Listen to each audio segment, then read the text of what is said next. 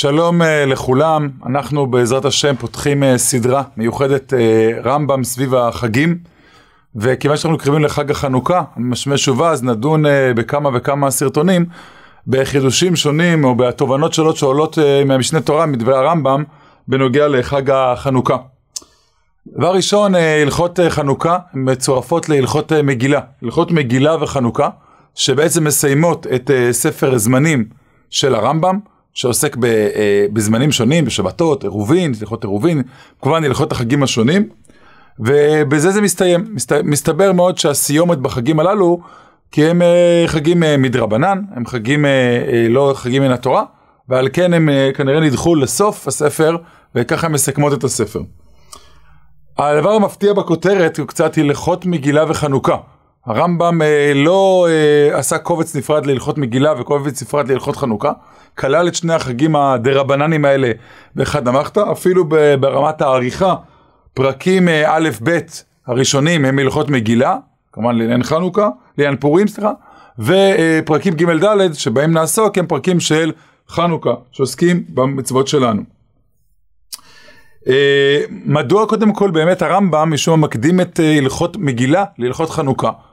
התשובה לכך היא פשוטה אה, מאוד, וגם הראש שיבה בהקדמה שלו ביד פשוטה, כותב על כך, הואיל והמגילה תקנו הנביאים וכלולה היא במקרא, לכן הקדימה רבנו עם דיניה לדיני החנוכה. כיוון שחנוכה גם מבחינה אה, היסטורית כרונולוגית אה, היא לאחר המגילה, המגילה קדמה לחנוכה, לכן הלכות מגילה קודמים להלכות אה, חנוכה.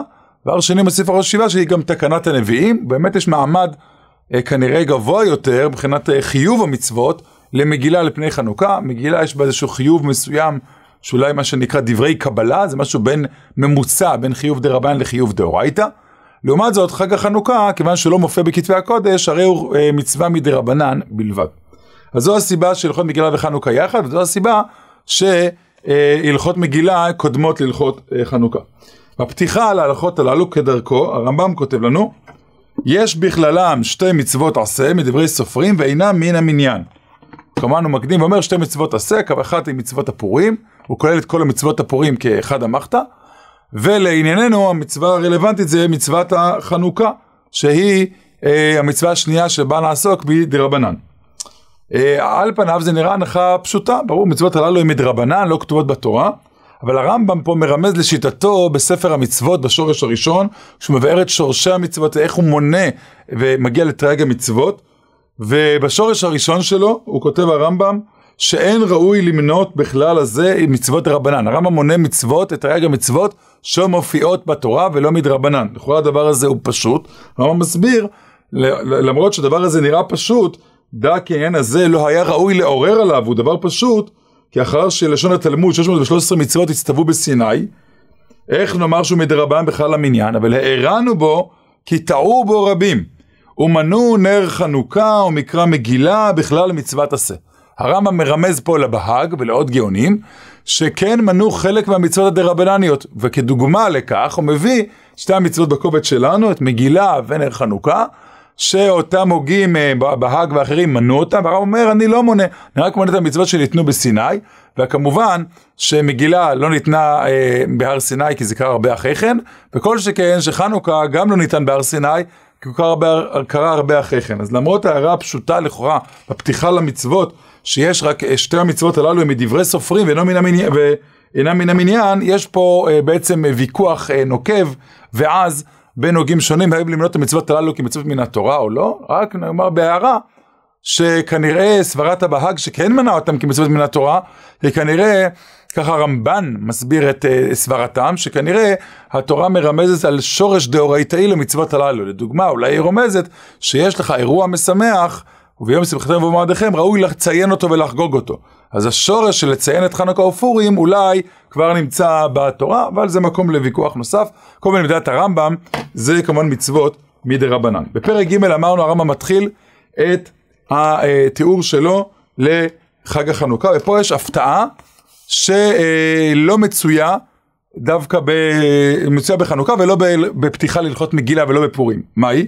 התחיל הרמב"ם בהלכה א', בבית שני כשמלכי יוון גזרו גזרות על ישראל וביטלו דתם ולא הניחו אותם לעסוק בתורה ופשטו ידם בממונם ובבנותיהם, ונכנסו להיכל ופרצו בפרצות, וטימאו הטהרות, וצר לישראל מאוד מפניהם, ולחצום לחץ גדול, עד שריחם עליהם ולאבותיהם, והושיעם, וגברו בני חשמונאי, הכהנים הגדולים והרגום, והושיעו ישראל מידם, והעמידו מלך מן הכהנים, וחזרה מלכות לישראל היתר ל-200 שנה, עד החורבן השני. זה הלכה א', הדבר המפתיע, גם ממשיך עם זה בהלכה ב', שיש פה תיאור היסטורי. תיאור היסטורי של מה קרה, בעצם על מה נחגג החג החנוכה, על מה הוא תוקן.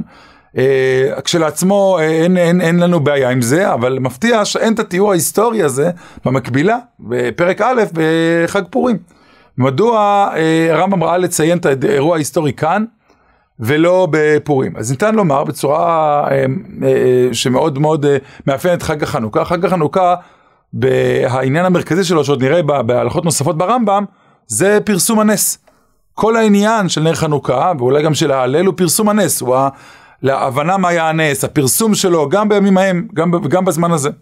ולכן לרמב"ם חשוב מאוד לציין את העניין הזה שעל מה אירע פה, זאת אומרת הידיעה, מה היה האירוע שבא, שעל שמו תוקן החג, שקודם כל מדבר על נס, נקרא לזה המלחמה, ואז יעבור נס פח השמן, הוא חלק אימננטי, מהותי, ממהות החג שהוא מפורס... שעניינו הוא פרסום הנס.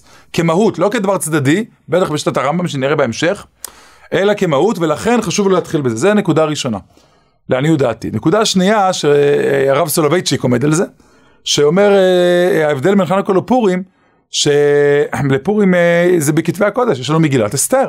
אז אה, כיוון שזה חלק מהקובץ של התנ"ך, כל אחד יכול לבוא ולקרוא, ודברים כתובים ונאמרים.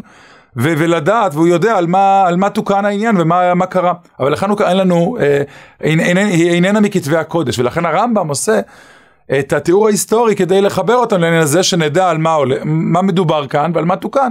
כיוון שאין לנו אה, אה, תיאור בכתבי הקודש לנס החנוכה, וייתכן גם שתי הסיבות משלימות זו את זו. כמה דיוקים אה, קצרים ברמב"ם הזה פה בהלכה הזאת. דבר ראשון, באמת הוא מתאר את הגזרות של מלכי יוון. והלחץ, ועד עד שריחם עליהם וגברו בית חשמונאי הכהנים, והעמידו מלך מן הכהנים, וחזרה המלכות יתר על 200 שנה. ההערה הזאת פה שחזרה המלכות לישראל על ידי הכהנים, אה, שבט הכהנים, אה, היו הרבה פרשנים שראו פה אה, שהרמב"ם רואה בזה כמובן דבר חיובי וגדול וזה חלק מעוצמת הנס, לא רק שניצחו את היוונים, אלא שחזרה מלכות, וזו מלכות יהודית ישראלית לתקופה של כ-200 שנה, איזו אוטונומיה יהודית, שזה העיקר העניין, להגיע לשם.